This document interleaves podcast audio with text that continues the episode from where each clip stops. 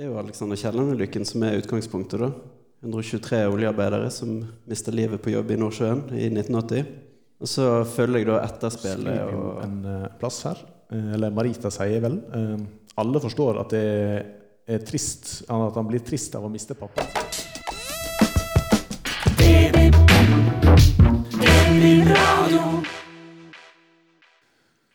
Ja, dere sitter og koser dere nå. Spørs om vi eh, får gjort noe med det, da. Velkommen skal dere være til Mjøndalen bibliotek. Velkommen skal dere være til podkast og til YouTube. Jeg heter Arne, og jeg er til daglig bibliotekar her på huset. Eh, Jeg sitter nå her bare og drikker kaffe sammen med deg, Atle Berge, journalist og forfatter. Stemmer. Velkommen til deg òg. Tusen takk. Står alt uh, dugende til? Alt vel. Kjekt å høre. Yes. Og kjekt at du hadde lyst til å ta turen til oss i dag. Det er klart. Vi har jo knapt sett ei levende sjel her i lokalet de siste ukene, så nesten så ikke jeg veit hvordan jeg skal til meg. Nei, det er jo første gangen jeg er ute siden 12. mars og møter andre enn eh, familien. Så det er litt spennende for meg òg. Dette her kan bli et interessant bokbad. Uansett, vi eh, skal prøve oss på et lite bokbad etter gammelt. Du er jo aktuell med de fjerde bok. Det stemmer. 'Puslinger' heter hun. De fjerde bok for eh, voksne. Som dels er en fartsfylt og egenarta oppvekstroman, Jo, og dels en eh, engasjerende og oppskakende dokumentarroman. Eh, Jeg tenkte egentlig jeg skulle driste meg til å be deg eh, fortelle litt om denne boka. Kan du gi oss et lite riss over Ja. hva du tar for deg? Det er jo Alexander Kielland-ulykken som er utgangspunktet, da. 123 oljearbeidere som mista livet på jobb i Nordsjøen i 1980. Og så følger jeg da etterspillet og de etterlatte overlevende sitt liv etter ulykka. Blant annet eh, ei jente som heter Marita, da, som mister faren sin i ulykka, og som begynner å grave i hva som egentlig skjedde. Hvorfor plattformen kan tra om alt egentlig har kommet fram. Det er vel hoved... Ja, ja men det var jo Greia. kort og konsist. Og, Så handler det en del om strilene i Nordland òg, da. ja. Og livet rundt Mongstad-raffineriet og sånne ting. Mm. Yes. ja, det var jo godt svar på T-tallet. Jeg lurer på om du kanskje har lyst til å lese litt i- fra boka di? Har du lese litt et lite utdrag for oss? fra starten, var vel det vi ble enige om. Eh, og da er det kveld den eh, 27. mars 1980. Eh, og da står det at kvelden før hadde Marita og Jonny begynt å bygge et sjørøverskip. Men nå måtte Vesla klare seg sjøl. Det gikk visst ikke så bra. Marita flytta blikket fra teikninga til skipet, fra skipet til teikninga. Ei legomast smalt i gulvet og spratt inn på kjøkkenet. At det skal være så jævlig vanskelig, ropte hun på den bergensk-inspirerte dialekta og hadde snakka siden hun begynte i første klasse.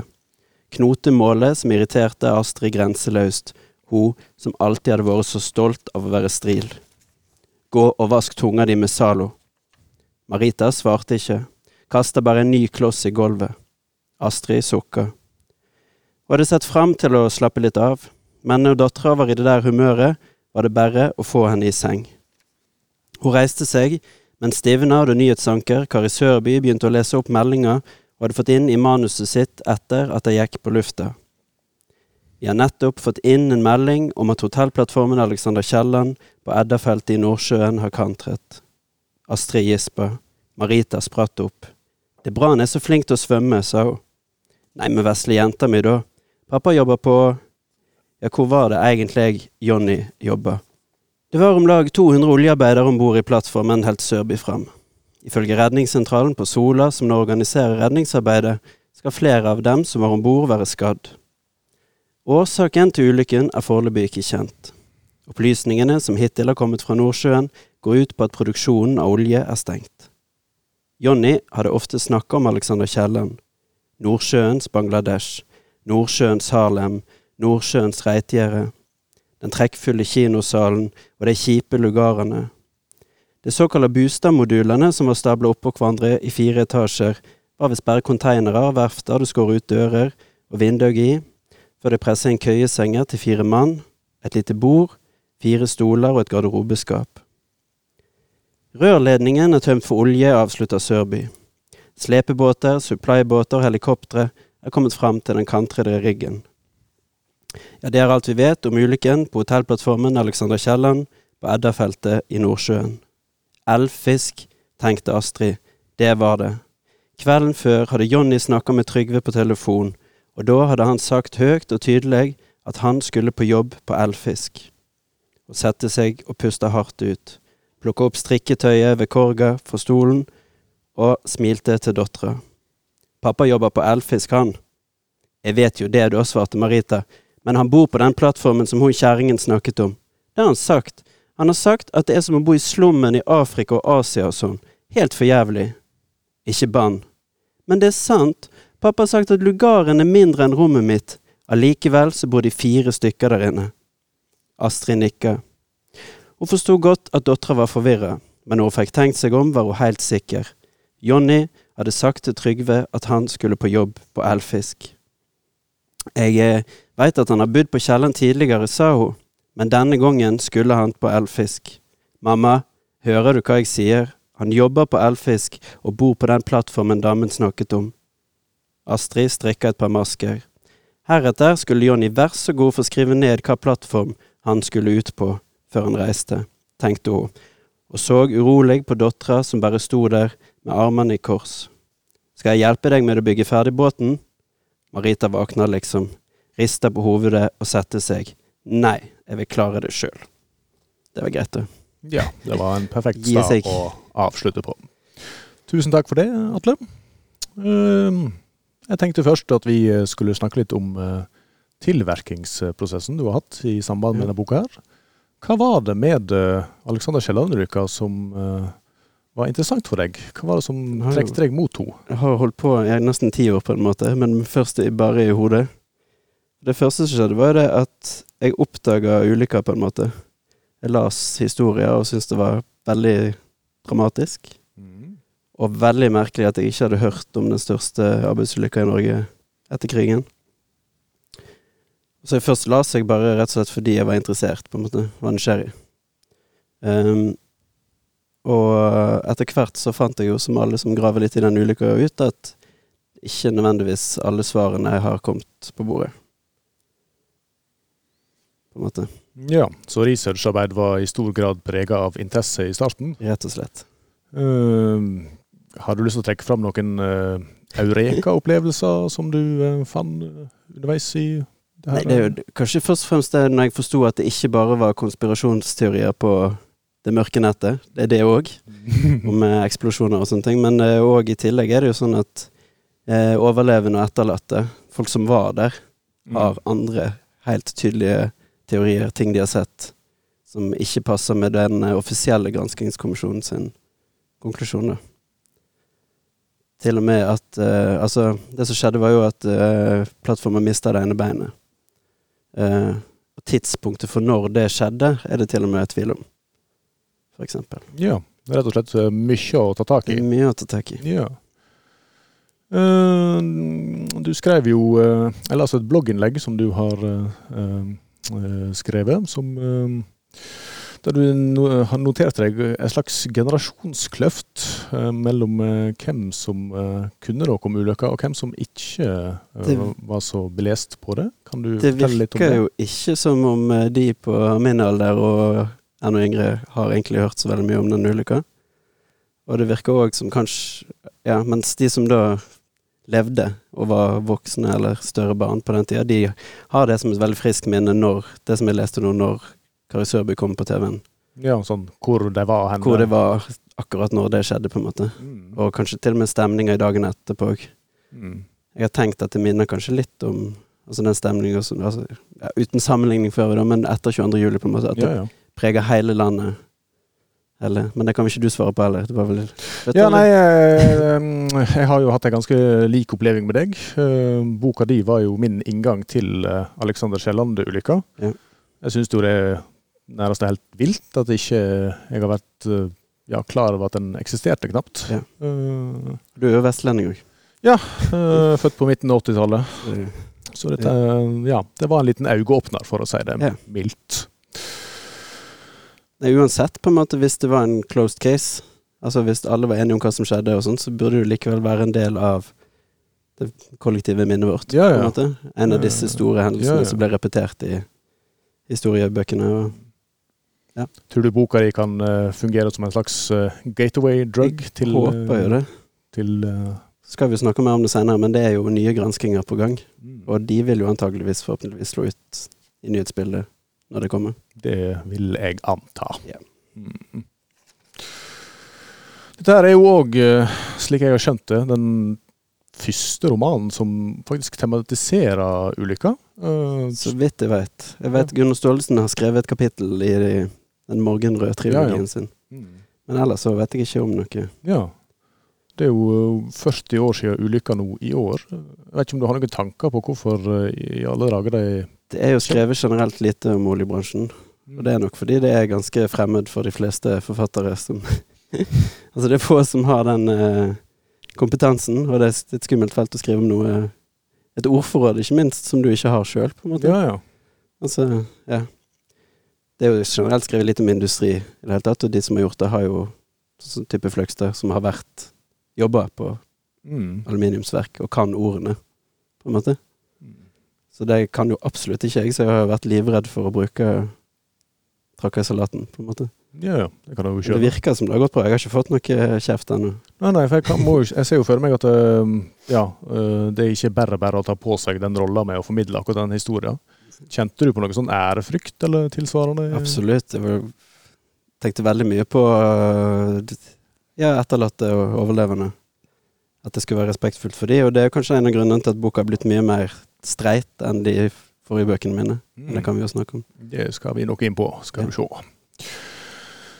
Uh, ja, ulykka er jo en del av det hele. Um, jeg tenkte vi skulle gå og snakke litt om uh, selve handlinga i boka. Mm. Det fins jo de som er interessert i den slags òg. Eh, vi nevnte vel innledningsvis at dette her også er en oppvekstroman.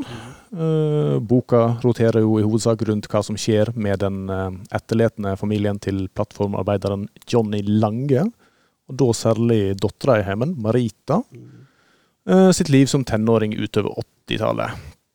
Hvem er Marita, og hvordan kom denne karakteren til deg? Hun karakteriserer jo seg sjøl som åpen, modig og omtenksom. Kanskje ikke alltid like omtenksom. Ofte litt mer sånn eh, ja, Nesten på kanten til litt brautende og En ung strillejente som eh, snakker bergensk for å tøffe seg. Litt som forfatteren prøver Nei. Ehm, ja. Og er jo generelt Altså, hun er jo laga for å drive historier, da. Så hun er jo veldig nysgjerrig av seg, og har veldig mye pågangsmot. Det er en veldig takknemlig karakter å skrive om, for det gjør det interessant å følge hennes vei. liksom. Hos, får hun et nei, så betyr ikke det nei. Da undersøker hun videre. Ja, Det er på en måte Rappkjefta, rastløs og rebelsk. Ja, Gjerne litt frekk. Ja, Mhm. Det er veldig mori, moro å lese om, syns jeg. Og så har hun kanskje òg et, eh, et spesielt uh, yrkesønske. Hun bli oljeingeniør, ja. Ja. For det er jo sånn, altså det er jo noen anmeldere Når boka får dårlig kritikk, det er ikke mange, men noen, så er det gjerne det at de ser på dette som en bare en helt vanlig oppvekstskildring. Så jeg mener jo at det er på en måte Det tar tak i hvordan det er å være oljeunge, da, eller hva du skal si. Mm. Hvordan Strilleland har forandra seg etter at Mongstad-raffineriet kom. Uh, og plutselig så er det mange folk som kanskje ikke har så mye utdannelse, som tjener mye mer enn de som akademikerbarna da, som reiste til byen og fikk utdannelse. og Mm. sånne ting. Så plutselig et helt nytt ideal da, som oppstår på Strillelandet på den tida, Ja, ja. litt før. Ja, for det kan vi jo òg nevne. At uh, fortellinga om Marita, uh, og som du nevnte nå, er at det er jo også ei fortelling om et særskilt distrikt. Altså Nordhordland, eller Strila, Strilelandet, om man vil. Det er et eh, miljø du kjenner godt til. eh. Jeg har jo gjort Teknikken jeg har brukt, det er jo rett og slett å plassere fiktive personer, ikke bare i ulykker, men i barndomshjemmen min. Ja, ja, Så ja. jeg, Snedig. det gir ganske mye gratis eh, ting, da. Jeg veit hvor alle tingene er, hvor kjøkkenet, hvor Mm. bokhylla står, og sånne ting, på en måte. Eh, men ja, det handler om Nordhordland, og Kanskje òg et skille som jeg iallfall opplever. Jeg vet jo ikke, jeg kan ikke si at det er sånn, men jeg opplever sånn at det er et generasjonsskille der òg, der på grunn av kanskje Mongstad og sånn at øh, den yngre generasjonen har fått bedre sjøltillit og ja, kjøre på, på en måte. På en helt annen måte enn Mm. i hvert fall karikaturen av en stril har gjort tidligere. Hvordan var det å gå løs på egen heimstad med sånn forskerauge? Var det Nei Kjekt. Det var kjekt, ja. ja, ja. Jeg så egentlig Lærte nye ting om deg sjøl om og identiteten din? Ja, kanskje jeg bare har pøst ut masse fordommer. Jeg vet ikke. det får du nesten lese om der, tror jeg. Nei, Det var i hvert fall veldig behagelig. Altså, kjekt å ha noe trygt og godt å forholde seg til, da. mm. Når du skal skrive om eh, olje og alt dette som ikke er kjent for meg, egentlig. På en måte. Altså Kielland og Ja. Jeg har jo aldri vært på en oljeplattform. Jeg har fått lov nå. holdt jeg på å si. Så du skal da besøke Nei, jeg har vært nå etterpå. Ok, ja. ja. Jeg var Ja. besøkte en uh, festival på Stord, og da fikk jeg lov å komme om bord en plattform som lå til Ja, land der. Så det var jo veldig spesielt å se. ja, ja. Det er jo Eh. litt av en maurtue. ja. Masse Sam- folk som fyker rundt uten å vite hva de Mm. Ja. Samsvarte det med det slik som du hadde skildra det? ja altså, jeg skildrer jo bare plattformen akkurat i krisesituasjonen, så er det litt vanskelig. Ja, ja. Men det, ja, det var kanskje enda mer yrende liv enn jeg har sett for meg, da. Mm. Jau, uh, Marita hun er jo nokså konfrontasjonsglad, vil jeg påstå. Hun uh, kvir ikke seg for å sette folk til veggs, Nei. er veldig spontan. Og ved sida av å ha ei eh, ungdomstid, eh, så får hun seg et lite prosjekt underveis. Hun oppsøker da den dobbelt så gamle Trygve. Ehm, hvem er det, og hva rolle er det han har i fortellinga? Trygve er jo da overlevende etter Kielland-ulykka. Og var òg en kompis av faren. Og han representerer da alle som faktisk finnes, da de overlevende som ikke har klart seg så bra etterpå. Det er veldig mange som har hatt seinvirkninger av ulykka. Altså det i dag heter det posttraumatisk stressyndrom. Og det påvirker at de ikke har kommet i jobb igjen, f.eks. Så han, prøver, med hans prøver jeg å fortelle den historien, da. Men òg historier til de overlevende som fremdeles leiter Eller som ikke har klart å slå seg til ro med den offentlige konklusjonen.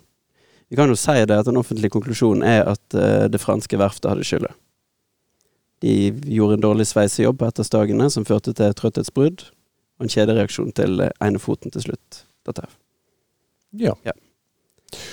Men det er jo noe som eh, Marita og Trygve uh, ikke uh, Klarer å slå seg til ro med. Rett og slett. Ja. Det blir jo et litt sånn et litt umake par, en slags detektivduo. Yes. Og uh, setter i gang en slags alternativ granskingskomité. Mm. Hvorfor føler de at det er nødsynt? Hva er det som egentlig gir dem? Det er vel det Marita leser Det er jo et år siden jeg har lest boka, så jeg husker ikke. Nei. Eh, Det handler om at Marita leser sakprosabøker som kom ut på den tida. Um, som jeg ikke har inntrykk av fikk så veldig mye oppmerksomhet, men i alle fall i disse her så blir det stilt en del spørsmål ved f.eks. hvorfor regjeringa til Kåre Willoch absolutt måtte senke riggen istedenfor å ta den på land og gjøre, lage den til spiker. Noe som ville ført til at de kunne granske selve plattformen mye mer. Det var òg en annen ting som satte fyr på konspirasjonen, er det er at eh, det første forsøket på å snu riggen, det mislykkes. Og det framstår som et kanskje et villa mislykka Altså at det var mislykka med vilje, på en måte. Mm. Det virka iallfall veldig dumt. Det var ikke det beste selskapet som fikk anbudet med å snu den.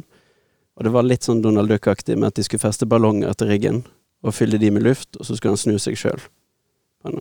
Ja. Ja. Det, det gikk jo ikke. Uh, ja. Det er sånne små ja, sånne, sånne små Som bare, er det noe her, på en måte? eh, Sånne så små, litt sånn ville snutter om, som ja, utgjør fortellinga her. Ja. Eh, Vi kan jo òg nevne det Norske myndigheter inngikk et forlik med det franske verftet, eller franske myndigheter, mm.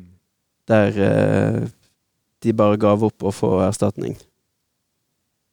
Så, og hvorfor gjorde de det? Inn, altså, de må jo ha innrømt noe, da. på en måte. Hadde de stått hardt på at det franske verftet hadde hele skylda, Mm. så hadde de jo krevd pengene videre. Så det er rett og slett god grunn til, å, til alternative teorier rundt omkring? Ja, det virker sånn. Mm. Men det skal jo vise seg at dette her er en litt uh, ensom kamp. Eh, Som leser så legger en jo merke til at uh, Marita vil jo gjerne snakke om dette her til, eh, til så mange som mulig. Eh, både på fest og til journalister. Og det er jo ofte gjerne den samme reaksjonen hun får. De vil jo gjerne høre om ulykker og hvordan hun Men det dramatiske. det dramatiske De vil, høre, de vil ikke høre om eh, årsaksforklaringer av det litt Nei. tørre og kjedelige, Groteske detaljer, men igjen litt Ja. overlevingskamp osv. Yes. Mm. Og det, hun klarer jo til slutt å komme i avisen òg, tror hun, for å få stilt de spørsmålene hun vil til Mm. myndighetene, på en måte. Men eh, det ender jo òg med at det blir en veldig sånn dramatisk historie med en trist, en trist historie om mor og datter som har mista pappaen sin. Mm.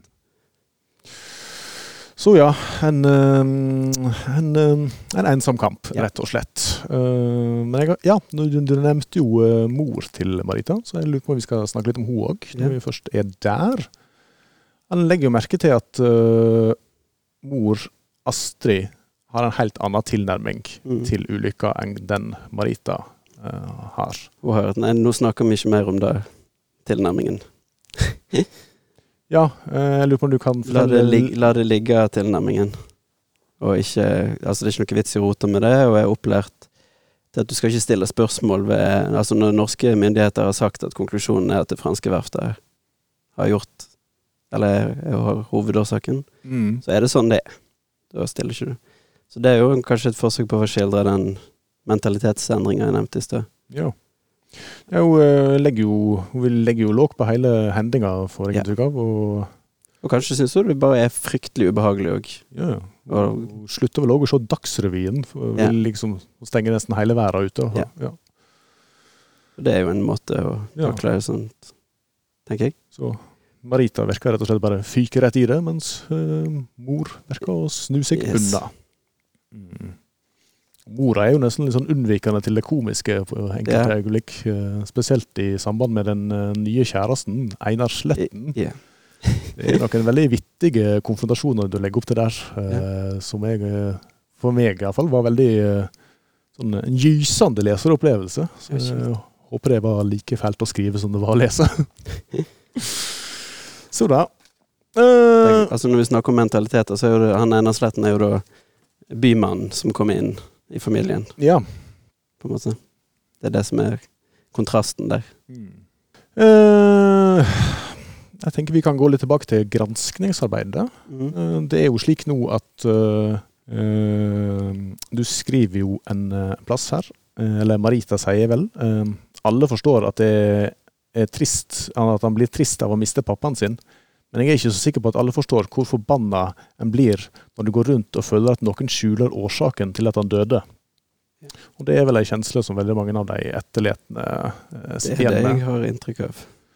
Og det er jo nå eh, 40 år siden ulykka, og det er ingen som er blitt stilt til ansvar for, eh, for henne. Men Riksrevisjonen Riksrevisjonen skal granske granskningen. De skal ikke granske ulykken på nytt, men de skal granske granskningen og se om det var noen Ja, eller om den har undersøkt alt som skal undersøkes. Um, den rapporten deres kommer neste år først. 2021. Ja. Har dere tanker om hva den rapporten kommer til å Ikke hva han kommer til å konkludere med, men eh, han, eh, det er jo hørt han om hva han må være innom, på en måte. Ja, en del av Det finnes jo to andre hovedspor enn eh, bare det trøtthetsbruddet. Det er ingen som stiller spørsmålstegn ved at det var en sprekk, en sveisefeil og sånn. Mm. Men i tillegg så er det driftsfeil. Plattformen ble drifta feil. Det er det ganske tydelig. Og så er det òg en eksplosjonsteori som for meg er helt umulig å vurdere, men uh, som virker mulig. Som går ut på at eh, det var sveisearbeid om bord den kvelden i akkurat den foten som løsna. Uh, og det er flere som rapporterer om at de har sett flammer og hørt smell. Så det kan jo tyde på en eksplosjon, da. Og det trenger ikke å være en sabotasje, som liksom det mest konspiratoriske, jeg tenker, men rett og slett bare en ulykke, arbeidsuhell med disse gassflaskene. Mm. Men det er sånn som de må vurdere, da. Altså, det bør stå hvorfor ikke det stemmer, på en måte. For den granskingsrapporten vi har i dag, og som ble lagd i 1981, den sier bare at nei, det der er altså konspirasjon, det kan ikke vi forholde oss til. på en måte. Så det blir med andre ord spennende, Det spennende. mars eh, 2021. Ikke sant? Mm. Jeg har òg lyst til å spørre litt om hvordan eh, tilbakemeldinger på eh, romanen har vært. Eh, har du fått noe tilbakemelding fra mennesker som på en eller annen måte har vært ja. råka av eh, Jeg var på en litteraturfestival på, nede på Karmøy som heter Silk. Da møtte jeg eh, blant annet han Kian Reme, som er den kanskje som har kjempa mest hardt for å få saka opp igjen på nytt. Han er broren hans som kom i ulykka. Så jeg hadde veldig fine samtaler med han. Det er vel han som er leder for det som heter Kielland-fondet? Yes, Ja. Kielland-nettverket heter de i dag, de skifter navn. Mm. Og de har jo vært sammen med Universitetet i Stavanger liksom hovedpådriverne for å få saker opp igjen på nytt. Mm. Så det er jo takket være annet han at eh, Riksrevisjonen går igjennom det igjen. Det har vi ikke snakka så mye om, men i 2016 så publiserte Stavanger eh, Universitetet i Stavanger eh, ny, altså ei bok med forskning der mye av det jeg har sagt nå, kommer fram, da. Og der vitnene står fram og forteller med fullt navn. Og det gjør jo det mye vanskeligere å avvise enn om det bare er et rykte Ja, ja. i miljøet, på en måte. Mm. Meldingene til boka de har jo eh, stort sett vært Stort sett. gode. Eh, Du har fått ros fra selveste nasjonalbibliotekaren. Det er kjekt. Det er kjekt. Og som ikke det er nok, så har du faktisk blitt eh, nominert eh, til EUs litteraturpris. Det er veldig fint. Ja, Hvordan kjennes det egentlig? Det er veldig overraskende og kjekt. Hadde du forventa den type Nei, det har jeg ikke forventa i det hele tatt. Spesielt siden jeg skriver jo Hvordan skal jeg si det? Lettlest og Eller, ja. Lettbeint og pedagogisk, som anmelderen i Aftenposten kalte det. Og lettbeint og pedagogisk er ikke ofte det som blir nominert til priser. Det skal være litt ugjennomtrengelig og alvorlig, helst. Virkelig. ja. Kanskje det er en endring på gang, Derfor jeg ser eh, Kritikerprisen i år, for eksempel, og Petter Lyttons romanpris ble vunnet av eh, Mathias Fallbakken, som handler om en eh, Skriver om en eh, deigklump, holdt jeg på å si. Leirklump som våkner til liv. På en lett og ja, upsykologisk måte. Kanskje det er noe nytt. Ja ja, det blir spennende tider i, Ja, i For den lettbente litteraturen. Ja ja ja, det er ny, ny vår for den Ja. lettbente litteraturen. Det hadde ikke gjort meg noe, altså. Eh, Men tror du eh, skal gullet hem, som dere liker å si, dere Nei, Brann-supportere? det tør jeg ikke håpe på. Nei. Vi tar eh, seieren nå. Vi, vi liker bare å vente og se. Selv om det ikke er noen å feire med. Nei, det var det, da. Det var det, da. Eh, ja, vi kan jo snakke om, ja, apropos eh, lettbeinte bøker osv. du feirer jo i år tiårsjubileum som forfatter. Yeah. Det er ti år siden debutboka di kom ut. Muntergang. Mhm. Eh, jeg las jo opp igjen de tidligere bøkene dine i samband med dette bokballet her. Uh, jeg las òg en del anmeldelser og sånt. Mm. Og det slår jo meg der at det er ganske vanskelig å finne fellesnevnere i forfatterskapet ditt så langt. Og du eh, blir jo gjerne oppfatta som en forfatter som eh, ikke akkurat følger konvensjonene til romanskrivinga. Fram til nettopp puslinger. Det er ganske klart skille der. Ja. Og det kommer nok av det vi snakket om, altså respekten for de overlevende etterlatte og sånne ting. At det må være skikkelig, på en måte. ja. Stoffet krevde rett og slett Stoffet krevde at eh, i seg sjøl så mye motstand i stoffet at uh, det holder. Jeg trenger ikke begynne å trikse med ulike sjangre og sånn. Det er jo det jeg har gjort tidligere. Blande ulike skrivestiler og ulike Mm. sjangre. det Har gitt mersmak? Er dette her et en ny fase av forfatterskapet ditt? Nå er jeg i gang med å skrive en sånn Muntergang 2-aktig bok. Ja, ok. Ja. helt tilbake til Tilbake til start. start, ja. ja, ja. Kanskje du kan ha sånn tiårig eh, Ja, tiårssykluser, rett og slett. Ja, ja, En konvensjonell roman hvert eh, tiende år. Ja, ja. ja men da, da er det noe for alle og enhver, får vi tro. Ja. Jeg nevnte jo eh, tidligere at dette var en liten øyeåpner for meg. Og at jeg ja, kjenner meg egentlig litt sulten på å vite enda mer. Mm. Så jeg lurte på om du kunne anbefale videre eh, Er det noen podkaster, les, bøker jeg bør lese? Da må du lese eh, Ja, det er vel Kielland-nettverket som har gitt ut sjøl, men det er jo basert på arbeidet til Stavanger universitet. De har gitt ut en bok nå som heter Kielland Stories på engelsk, i alle fall. Jeg husker ikke akkurat hva den heter på norsk. Der, eh, det er en sånn polyfoni, så det er bare masse stemmer. Det er mange som bare forteller i ei person etter hverandre. folk som overlevde, etterlatte, folk som jobba i oljebransjen på den tida. Eh, folk som var rundt granskingskommisjonen, sånne ting. Så får de bare fortelle og fortelle fortelle, så er det et kor av stemmer, da. Og til sammen så blir det en historie, da. Den er veldig, Ja, det høres jo egentlig ganske interessant ut. stilig, både formmessig og innhold. mm.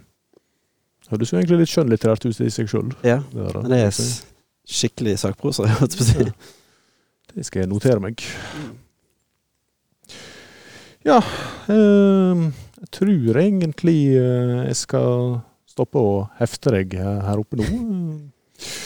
Vi har vel sittet her og drukket nok kaffe til å gjøre ti mann ustø, Ja, som du skriver i boka. Mm. Og det er jo ikke akkurat slik at vi kan eh, åpne for eh, spørsmål i salen, men eh, om noen har et spørsmål, så får dere skrive det i kommentarfeltet, eller send sende det til oss på brevpost. Atle svarer på alt. Ja. Han har vært brukende bokbad. Takk skal du ha. Flott. Ja, takk for det. Og med det så tenker jeg vi sier takk for oss her på biblioteket, og så sees vi sikkert igjen.